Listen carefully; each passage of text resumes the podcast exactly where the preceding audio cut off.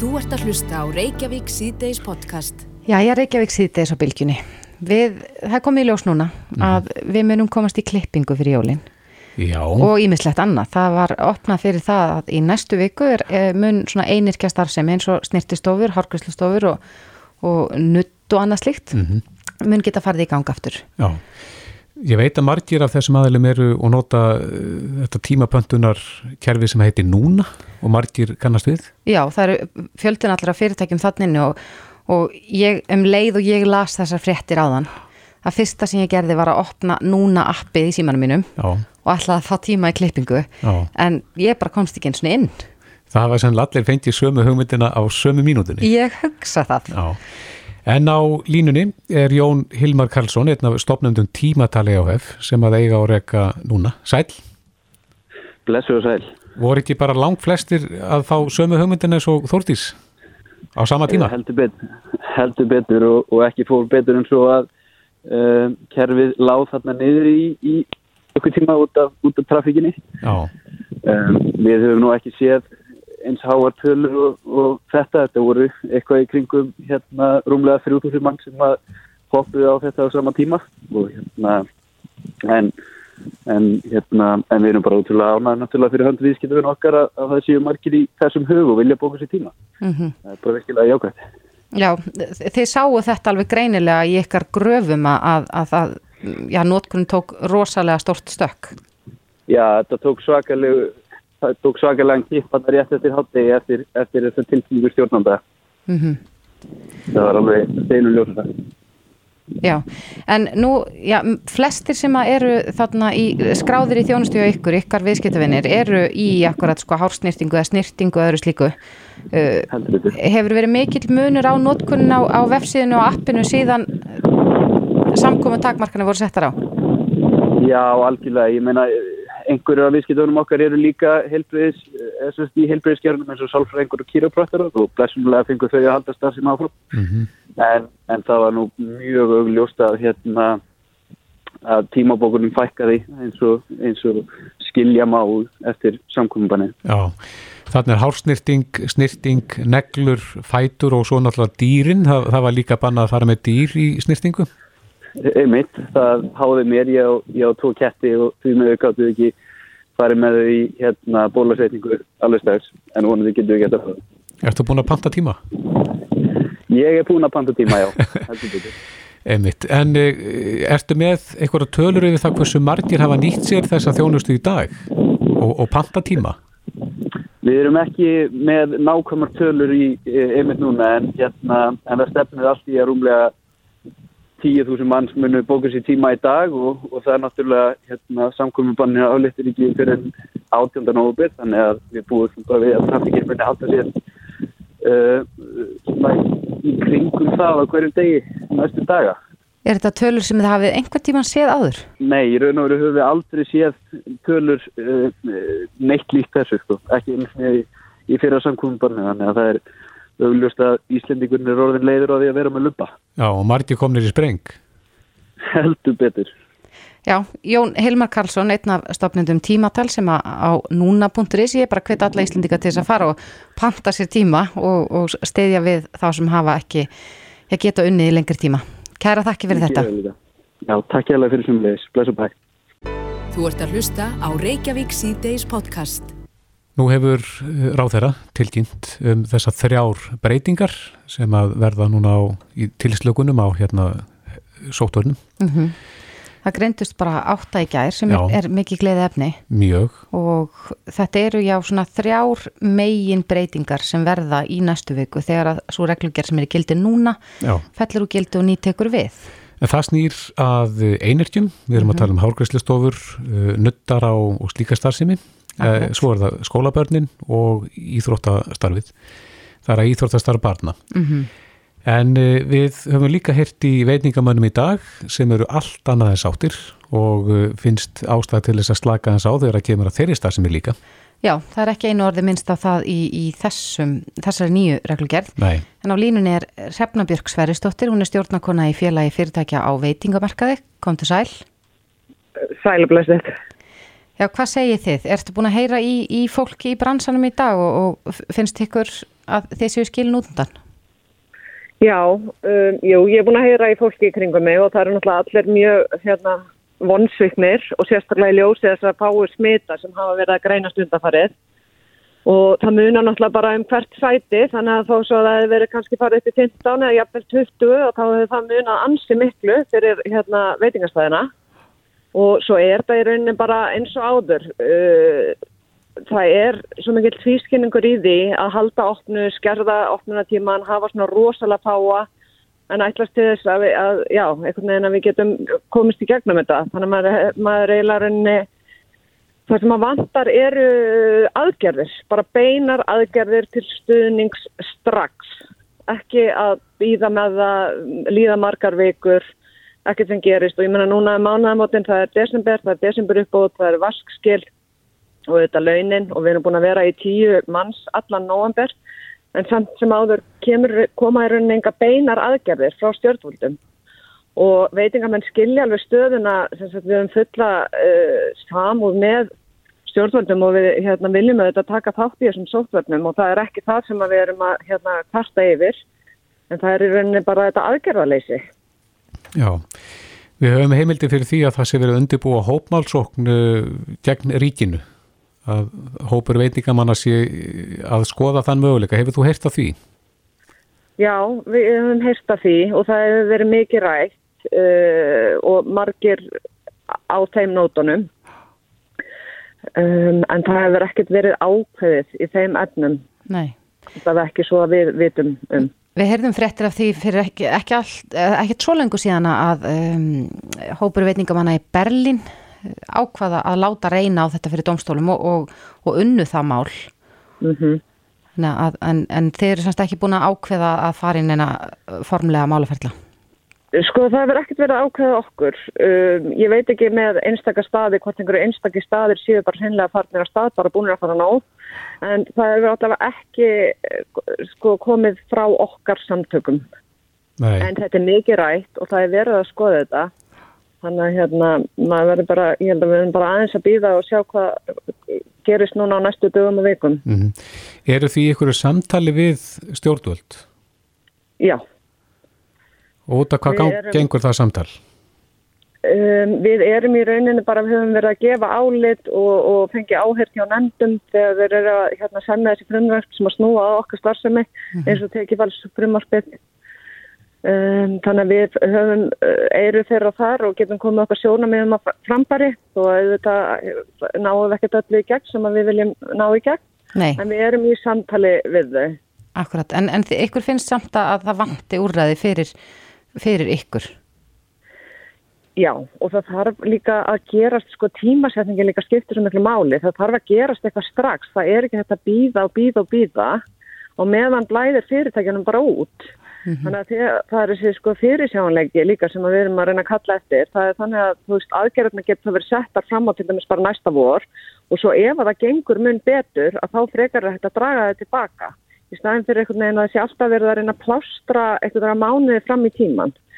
Og svo finnst mann líka einkennlegt að mikið af þessum aðgerðum hafa verið að nýtast kannski þeim geirum sem að hafa í rauninni ekki þurft að blæða út. Af því að það sem betur fer er fullt af fyrirtækjum sem blómstrar og er í rauninni að skila mun betri tekjum heldur en í fyrra og það er bara frábært. En það eru þessar almennu aðgerðir sem er verið að fara í, í staðin fyrir bara að horfa á, náttúrulega auðvitað bara ferðarþjónustuna og veitingagerinn heyrir e, þar undir í rauninni uh mhm. -huh. og að bara koma með almennilega aðstóð og styrkja þau fyrirtæki í gegnum þetta eins og hefur verið að gerast í löndunum í kringum okkur. Það er svona það sem við hefum verið að benda á. Já, en það likur núna ljóst fyrir að þetta verður allavega, það verður óbreytt ástand hjá ykkur til annars nógumbur í það minsta. Uh mhm. -huh. Hvernig heldur þessi, já, þessar vikur verði? Er fólk að fara út að borða almennt núna? Um, sko auðvitað er alveg einhverju sem farið að borða. Og, hérna, og svo auðvitað hérna, það hafa, sem betur fyrir hafa ekki verið mikið smitum að reykjast til veitingarstaða en það er bara gífulega mikið lagt upp úr sótverðnum og hérna, þannig að það er auðvitað alveg fólk um, en vissulega þegar, þegar uh, sótverðmanleiknir eða Káru Stefansson segja reynilega bara beint út, bara ekki fara út þá hefur það mjög mikil áhrif á eftirspurnina. -hmm. en svo er náttúrulega líka sem er kannski jákvægt en það, það eru náttúrulega fleiri og fleiri sem eru búinur að fá veiruna. Og maður heyrir það með ofta á gæstunum sem kom inn bara já ég er búin að fá COVID. Mm -hmm. þannig að það er orðin einhver hópur. En við töluðum nú aðeins um daginn hérna með eitthvað sem heitir, var kallað æfingaskömm þegar líkamsrættinar opnuði í smástund og, og fólk fór huldu höfði. Er færið tilfinningu fyrir því að fólk já, svona skammi sín fyrir að vera út að borða akkurat út af þessum ummælum frá sóttvartanleikni og jáfnvel Kára Stefánssoni Ekki í dag, en vissulega í byrjun. Þegar, þegar þið fóru fyrst í þessar herstu aðgerðir með tímans, þá fann maður fyrir því að fólk vildi helst ekki vera að sjá sig og var svona hálfpartinu að afsaka sig eða, eða var að koma afsökun að þetta væri nú svo stórt tilefni og, og, og þar fremdi göttunum. Mm -hmm. En í dag þegar smitinu er orðin svona rosalega fá, þá er það ekki svo leiðis. Þannig að fólk fyrir ósalvart að slaka meira á? Já. Já. Já, þetta er frólægt. Við skulum sjá hvað, hvernig þróunni verður þessu. Hrefna Björg Sverjastóttir, stjórnákona í félagi fyrirtækja á veitingamarkaði. Kæra þætti fyrir þetta og goða helgi.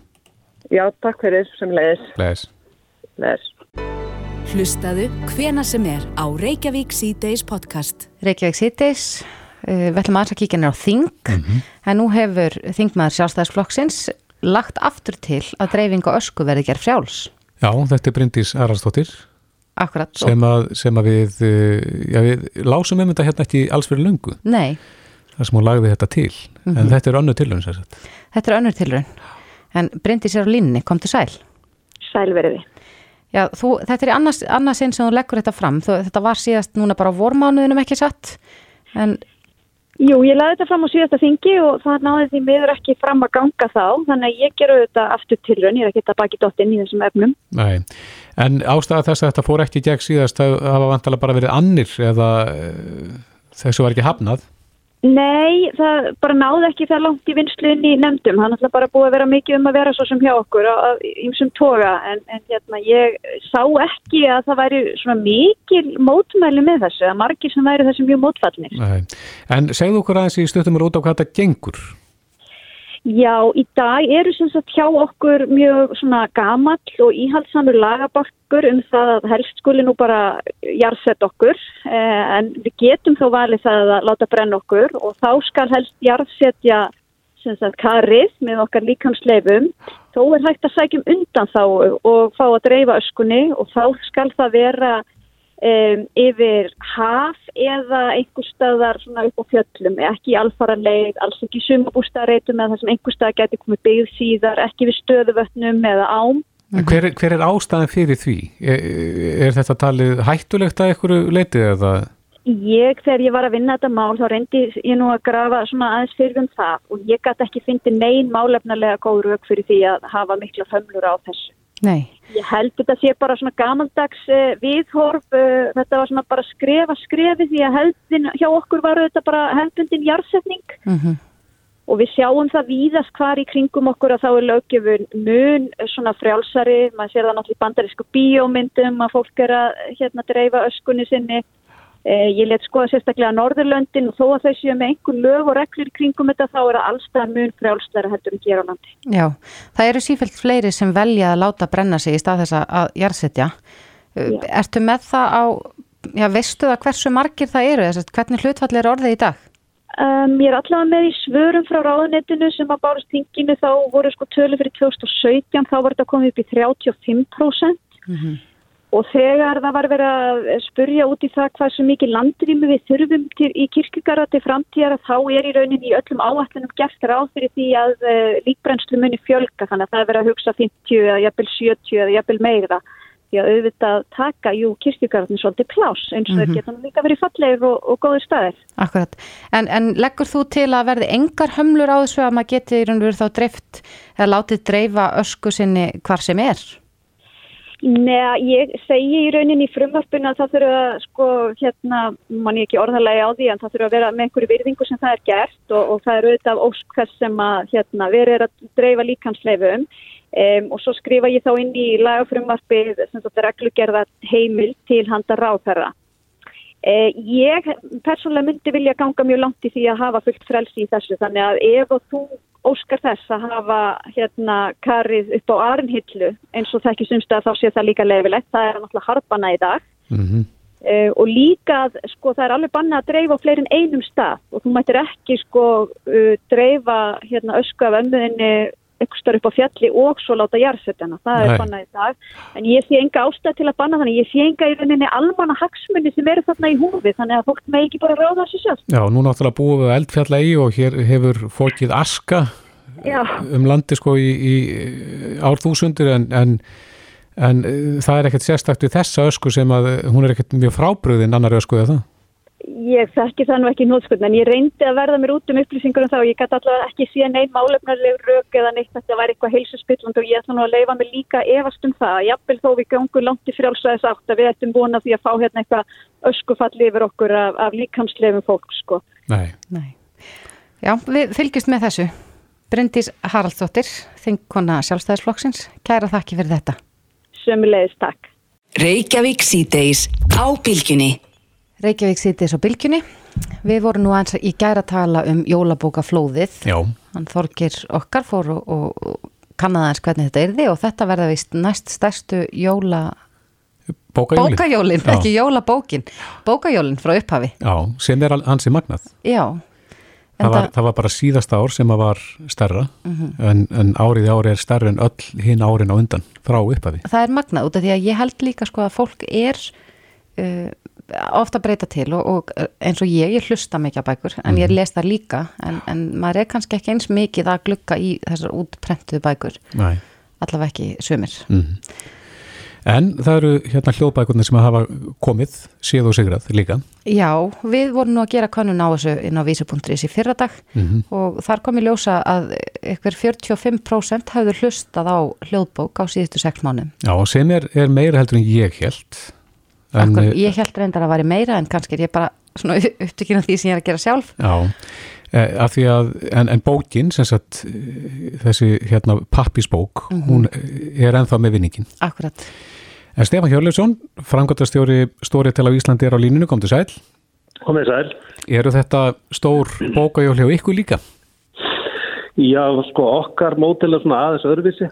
Við erum kannski, ekki, tökum ekki þátt í jólabókaflóðinu sem slíku, Nei, en, en allir mánuðir eru stórir hjá okkur og þetta er kannski, kannski með þetta líka þessu freka við kiljumarkaðir þar sem að fólk e, velur þar sem að vil lesa og hlusta á, mm frekar en gefamarkaði. En það er sem sagt þannig að allar þessar bækur sem er að koma út núna sem eru hluta af þessu jólabóka flóði þær eru ekki vantanlega inn á Storytel fyrir en, eh, já, eitthvað aðeins síðar. Já, það er rétt. Það, það er alferði hendi útgefanda hvernig þeir setjum bækurnar og ennþá eru íslendingar, þann íslenskir útgefundir þannig að þeir vilja, þeir halda svona ákveðnu gluggasystemi sem týðgæðist hérna áður fyrir með kvikmyndir og annað. Eða myndir komu kannski, eða myndir fóru fyrst í bíó og, og hérna síðan á vídeo og síðan í sjónvarp og allt þetta. En erlendis er þetta orðið undantekningalöst nánast þannig, allavega á Norðurlundunum, að bækur það fara inn á alla miðla samtímis. já, já. Hva, af hverju er það ekki svoleiðis hér? Sko, jólabókahefðin er óbáslega sterk hérna á Íslandi. Þetta er raun og veru jólabókaflóð er eitthvað sem að þekkist ekki eins miklu mæli erlendis. Mm Þetta er bara svona skemmtileg íslensk hefð sem er, sem er gaman að viðhalda. En hvað eru, eins og þú segir, þá eru allir mánuður stórir hjá ykkur og, og Já, ég hef nú tekið eftir í kringum með að fólk hlustar mikið á hljóðbækur. Já, það er alveg gríðaleg, gríðaleg nótkan á hljóðbókur. Þetta er verið alveg sprenging á síðust árum. Þegar ég byrjaði að stúsast í þessu fyrir nokkrum árum þá var hljóðbókamarkaðurinn með kannski svona innan við 1% af, af markaðnum. Eh, Það sem afir þessu ári eru, eru hljóðbækur orðnar 40% af markaðnum. Þannig að könnunin ykkar er svo sem alveg í, í samræmi við það. Já, en má segja það að allar helstu bækurnar það er endi í hljóðbókarformi? Já, það gera það nú yfirleitt. Og, og, og sannarlega eru einhverja bækur sem er að koma út komlar í hjá okkur líka. Það er ekki, ekki miklu mæli en það hefur orðið raun og verið alveg sprenging síðan við fórum að stað fyrir, fyrir að vera þreymar árum með stóri til að þá framleitu við mikið af bókum sjálf í gegnum útgáðufélag okkar sem heitir Story Site og það var kannski svona 95% af þeir bóku sem kom út hjá okkur voru gefnar út á okkur sjálfum E, nú hefur orðið algjör gjörbreyting. Það er verið allir útgefundur, sennilega, ég til svo að segja bara allir sem að annarbor gefa út bækur sem að henda þessu formi eru farnir að taka upp sjálfur og, og gefa út bækur hjá okkur. Þannig að þetta hlutfall okkar er kannski komin í 60% af okkar eigin bókum og 40% af bara hefðbundnum útgáðafélugum sem er að gera hlutbóka útgáður af sínum bókum. Mm -hmm. En hvað eru margir Íslendingar sem nota Storytel? Það má ég því miður ekki segja er. Við erum, vi erum skráðfélag á, á hérna, hlutabriðamarkað, á Nasdaq og hérna, við nefnum ekki gefa upp þannig upplýsingar en þetta er alveg gríðalögu fjöldi. Oh. Þetta, er svona, þetta er svona fjöldi sem fólk kannast við úr á sjómanstöðum og, og slíkum. Mm -hmm. En uh, getur þú farið að segja yfir svona topplista með okkur? Hvað er vinsalast hjá ykkur í dag? Sko, kræmkategóriðan er alltaf vinsalust hjá okkur, hérna gleipasugur mm -hmm. Og það er svona yfirlist svona 35% af aflustunni. E, hvað einstakar tilla varðar að þá er, er það bara mjög meðsjátt í raun og það er svona smerkilegt hjá okkur að það er hlustað á aðeins öðruvísi bækur heldur en eru gefnar eins og ég sagði í gafin, eins og ég sagði í upphafi.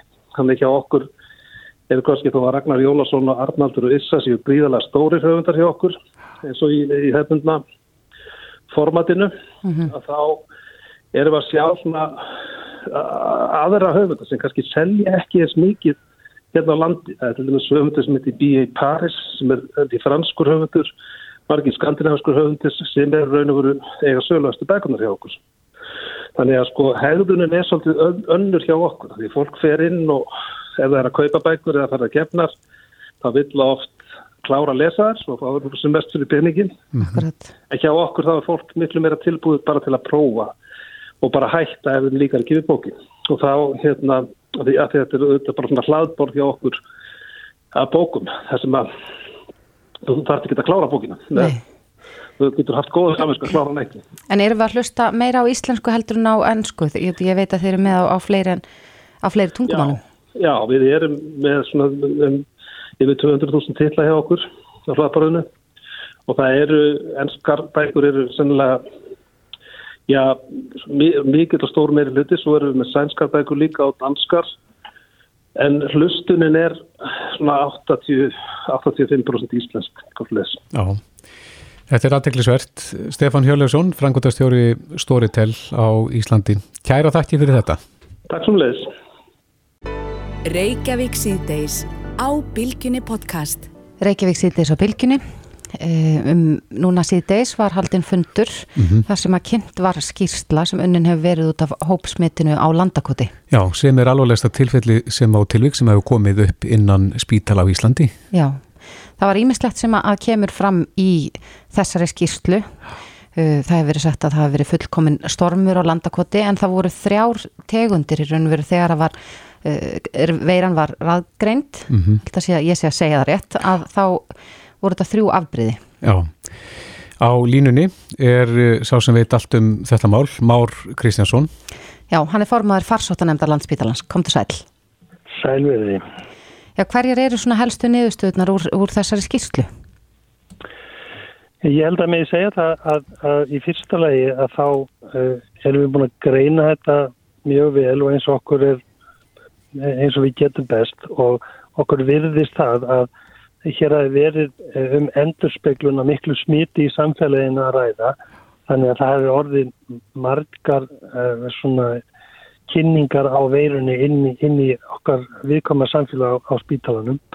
Það er annar þátturinn að þetta er ekki bara einhver einn atbyrður heldur þetta summa margra atbyrða okkar mati og, og síðan er það í rauninni má segja skýrslan hún afhjúpar í rauninni alla þá veikleika sem við höfum verið að benda á í langan tíma í, í, í húsnæðismálum uh, landsbytana og kannski ekki hvað síst landakots. Mm. Hvað, hvað ræður þar mest? Er það loftrasting og loftgæði?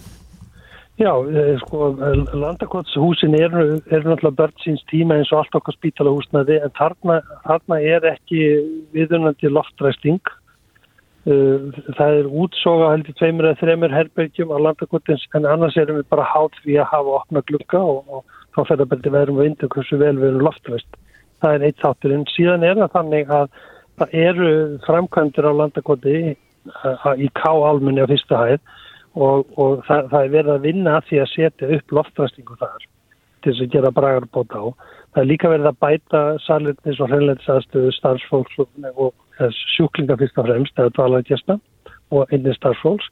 En þetta þýðir það að, að matsalun hefur verið lokað núna um nokkara hríð og það aftur á móti verður þessi valdandi að, að starfsfólk er, er meira eh, sko, eða hefur ekki fullnægandi aðstöð til, til kaffeaðstöðu, mataraðstöðu og þess að það og síðan, síðast ekki síst að þá kemur, kemur ljós að það er bara ofullandi búnsæðstæða fyrir, fyrir starfsfólk þannig að þetta eru svona margi þættir sem einhvern veginn spilast upp þarna og, og, og sem, að, sem eru svona ábyrgir fyrir þessu. Já, samkvæmt fyrir ettunum þá eru þrjú mismunandi afbreyði sem að koma inn á, inn á spítana. Hvaða lærdom geta með dreyið af þessu? Hvað er hægt að gera eitthvað meira til að reyna að tryggja það að, að starfsfólk sé ekki að bera svona veirur inn á spítalan?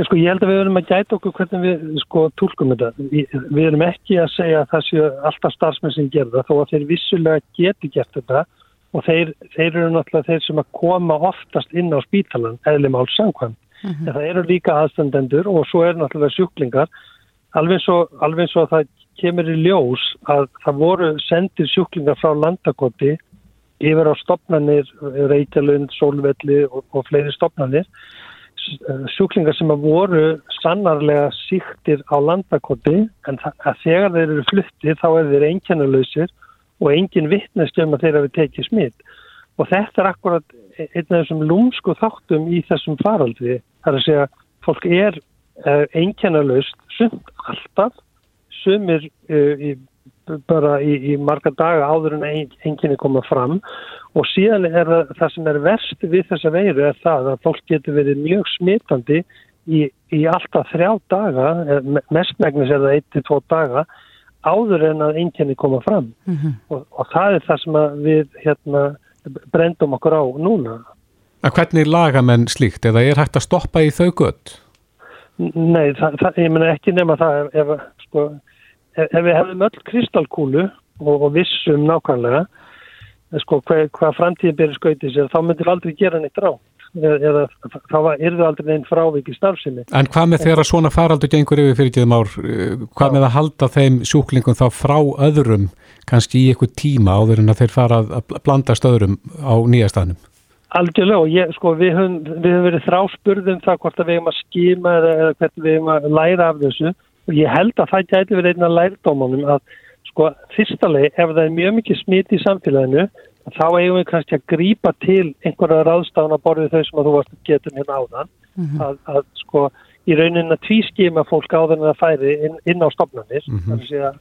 þannig að það og halda þetta í hljés þangu til að það er komið í gegnum eitthvað áhættum að stímabil þannig að við, við, þetta bara sko svona, svona ríni þó hún, sé gert og við erum gaggrið fyrir það að þetta sé svona innri ríni að þá hafum við fengið geifanlega miklar upplýsingar sem að við getum og ætlum að hagnýta okkur til þess að reyna að, að, að draga úr líkonum með þetta að koma aftur. Mm -hmm. En eins og ég gati mig í fyrirlistunum eða, eða, eða frásögminni, þá er þetta, veist, þetta er svona eins og að segja, hefði við ætlum ekki að hafa bílslis á Íslandi. Það vill enginn hafa bílslis og við erum með öryggisbelti og, og púða og, og guðið hvað. En það verði alltaf óhöpp, stilur, og ég held að þessu sjálfnast af ásætningi. Akkurat, en þú talar um sko ófullnegandi loftræstingu og, og þraung rými og annað slikt og margir snertiflettir. Er landakott fullnægandi ja, sjúkrastofnun í þessu ástandi sem ríkir núna í samfélaginu? Já, sko, ég, ég meina, landakott er það sem við höfum og við höfum fullt af fullorðinu hrjumur fólki, við höfum ekki mikið betra held ég, en mér er ekki kunnult um það, en, en ég held að við getum kannski gert lagfæringar á landakotti til þess að mæta sko, þörfum hins aldna borgara og hrumra einstaklingar sem þarnast endurhæfingar og ég held að það sé eitt af því sem við þurfum að skoða sko, og kannski setja í, í meiri forgang. Já, akkurat. Þannig að eh, er þetta bara að loka kaplinn í, í þessu ferli? Nei, guðmið góður. Við erum miðjum, miðjum heimsfaraldri og það hafa komið góða fregnir af, af, af bóluefni og, og, og maður vonar svo innilega að það uh, sé svari við þessu öllu en á meðan erum við ennþá á, á varbergi og, og sko einstaklingsbundnar varnir sko mér, mér, finnst, mér finnst í rauninni skýrslan okkar, hún, hún, hún, hún rennir stóðmyndir allt það sem hefur verið sagt af vettvengi sóttarnalæknis, almannavarnar og landlæknis, sko varðandi einstaklisbundar varnir. Það er svo mikilvægt að við höfum, höfum sko lítið að smiti út í samfélaginu. Þegar að smitið er mikið, þá lendur við í svona vandræðum ja, og, og, og, og sko, þar sem við stöndum höllum fæti í okkar heimliðiskjörn, eins og meðal annars í öldrunartjónustu. En þú talar um að hægt sé að gera lagfæringar á landakoti til þess að mæta þörfum þessa hóps. Er þetta eitthvað sem hægt er að kippi liðin bara núna eða, eða er þetta eitthvað sem að tekur lengri tíma að framkvama? Já, sko, ég, ég held að þessi, það er ekki að gera þetta yfir nóttu eða, eða eitt mánuð, en, en ég held það að ef, ef, ef að fólk einhendis í það að setja fjármunni í, í slíkt þá, þá væri hægt að gera verulega mikla bót sko öllum til hagsbóta þarna á, á, á tiltala stuttum tíma, kannski mánuðum, ári. Er, sko, sjá, sjá til það, sko, hönnun og bygging á svona helbiðis hérna húsnæði, það eru svo ríkar sko kröfur, þegar maður fyrir að byggja eitthvað nýtt, það eru svo ríkar kröfur og ef það ætlar að gera einhverja breytingar þá, þá er þetta gammalt húsnæði og það eru alls konar kröfur og, og, og eftirlits yfirvöld sem það þarf að fara með svona málefni gegn, þannig að það tekur alltaf tíma, það er ekkert slíkt hrist fram á erminni. Nei. Og það er eitthvað næður peninga. Já, eh, nú gengur þessi árlega influensa yfir árlega, eins og, eins og kannski gefur að skilja, eh, hefur eitthvað svona komið upp í gegnum tíðina, bara með þessa venjulegu influensu? Sko, þetta meina á landakoti? Já. Sko, það, það er gleðilegt frá því að segja að, að fyrir svona kannski 5-10 árum síðan á því tíumbili þá, þá gengu alls konar uh, svona veirupestir yfir hjá starfsfólki þarna á, á landakoti. Það, það er nóroveirur eða influensa eða RS og, og guðinu veit, veit hvað þetta heitir. En það sem að var gert af stjórnendum öldrunardeildarinn var það að það var settur á lækirnar svo kallar umönnunar skóli mm -hmm. uh, Uh, uh, sko kannski fyrir 2-3-4 ára ég man ekki nákvæmlega hvernig það var en, en síðan að hann var settur á laginnar að þá haf, hefur sko dreyið úr og mér langar að segja að það hafi ekki komið upp líkur faraldur fyrir en þá núna mm -hmm. þannig að það er sko þannig að þetta, en það undirstrykar líka það hvað þetta er margháttan mál þetta er, þetta er spurningin að hvernig við sko hvernig við störfum frá degi til dags og að, að allir sem að starfa með uh, einstaklinga á borðið henni aldrað eða sjúklinga aðra, -hmm. að þeir hafi skilning á síkingarvörnum skilur, að, að það þurfi að þrýfa hluti eftir nótkun og Akkurat, eins og talað er um þarna í, í skýslunni talað um kæfisvepsvél Nákvæmlega, nákvæmlega en sko, en ég, sko kæfisvepsvélin var, eh, sko, hún er ekki aðalatrið í þessu, mm -hmm. en, en hún, hún, hún hins vegar, sko hún undirstryka það að, að það eru alls konar leiðir fyrir veirur að dreifast, skilur uh, í, í, í, innan svona sjúkvárstofnunar mm -hmm. en, en ég, ég vil kannski frekar nýðurspila þetta með kæfisvepsvélina það, það er alls óvist að hún hafi átt þátt í þessu en, en, en það er svona fræðilegur möguleik á því að hún hafi átt þátt í dreifingarminnskurti á einni sjúkvöldin. Akkurat, en þetta eru svona samverkandi þættir sem að, að gera það verkum að, að, að hópsmyndi varðin stort og raumbir vitni. Algjörlega, og ég held að þú, þetta er svona bara eins og maður segir, summa sumarium af, það voru fullt af hlutum sem hefði geta verið betri, mm -hmm. þegar það komi allir saman akkurat í þessu, þá þá verður þetta eins og einn fullkomni stormur það bara, þetta, þetta, það bara raðast öll spilin upp með raungum hætti en réttum hætti fyrir veiruna. Já, Já Már Kristjánsson, formadur farsóttanemndar landsbytalans, kærar þakki fyrir þetta og góða helgi. Já, takk sem leiðist. Reykjavík síðdeis á Bilginni podcast. Reykjavík síðdeis, það nú fara að stytja svolítið úti og það snemma. Já, algjörlega maður, og maður, það er svo margir að ferli mm -hmm. við heyrðum nú hérna í Þóruleik Guðnarsinni sótvarnarleikni fyrir þetta og við vorum að spyrja hann hvort það væri já, líkur á því að við kemumst í rættina fyrir jól og, mm -hmm. og mhm. hann sagði að fólk getur nú bara hreift sér úti við en þá spilar þetta inni nú þarf maður að, að ég fer í göngur reglulega og ég er komið höfuljós og, mm -hmm. en það, ég hef tekið eftir því að það er fólk að ferða út um allt og oft er þetta fólk ekki sjáanlegt Nei, og stílin einhvern veginn er eða tískan er svolítið dökk hjá Íslendingum, held ég yfir höfuð. Já, ég held að við séum mjög svart klætt þjóð svona upp til hópa. Og við hefum bæði lendið því núna bara á stöttun tíma að hafa næstu við kert á fólk Já. sem að sést ekki Akkurat. eða sést illa. Já. En það er spurning, endurstinsmerki hafa nú ekkert verið í tísku í gegnum tíðina. Nei, sko, það er vist einhver tíska í þessu held ég, en, en svona að þessi gömlu góður sem maður hengir með, með sko öryggisnælu á bakið, því ég held að þau sé ekkert, þið ekki mjög kúl í dag. Nei. Sigrún Þorstensdóttir uh, hjá Vís er á línunum, komdu sæl. Selvöði. Hvað segir þú sem að hugsa um svona öryggismálin dagstæðlega? Ég er alveg sammála ykkur, mér finnst allt og fáir vera með endurskinn á flíkonum hjá sér og þetta skiptir ótrúlega miklu máli. Við sjáumst alltaf fimm sinnum fyrr ef að við erum með endurskinn. Þannig að það er til mikils að vinna að aukumenn hafi þennan tíma til að bregðast við Mm -hmm. með því að sjá okkur. Já, en það er líka tölvert úrval til af endurstíni. Já, það er miklu meira úrval held ég, til heldur en flesti gera sig grein fyrir og það er náttúrulega til þessi típisku að hangandi. Best er náttúrulega alltaf að kaupa flíkur sem að eru með endurskinnu á Mm -hmm. frá framleganda. Í saumað. Í saumað og maður getur nú alveg hrósa aðilum eins og 66 og Sintamanni og fleiri sem að hafa verið með flott endurskinn á mörgum vörum sínum en eh, svona gegnugangandi er þetta samt algengara í fatnaði batna heldur en fullorðina og síðan er hægt það eru til endurskissmerki sem þú getur ströyjað á sem þú getur saumað á sem þú getur límt á það er sprey sem að þú spreyjar bara á þig og, og þarf þá náttúrulega þetta að endur nýja það svona alveg af og til og reglulega Mm -hmm. Og það, fer það ekki illa með föttina að spreyja svona á þau? Nei og þú sér það ekki og þú sér það ekki þegar að og, þú, þú horfir á flíkina og sér það ekki að þú hafi verið að spreyja á hana og, og hérna en það er náttúrulega þetta mismunandi hversu vel þetta endist á og þú getur spreyjað þetta á hjólið þitt eða hvað sem er sko.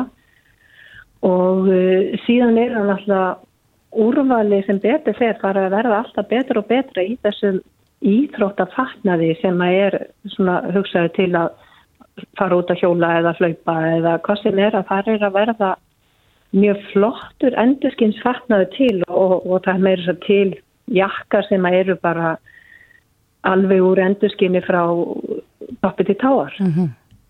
Akkurat, en, en sko, ég veit að þú ert nú kannski ekkit, endilega sérfræðingur í því hvaða verslanir selja slíkt, en hvert ámaður að leita? Ef að fólk er að leita svona endurskinni sem ert að fara að hengja á eða líma eða eitthvað þess að þar, þá er oft hægt að finna það eins og í apotekum og sumum eins og bara smáveruverslum eins og bókabúðum og þess að þar barnaveruverslanir hafa sumar verið með þetta byggingaveruverslanir einhverjar.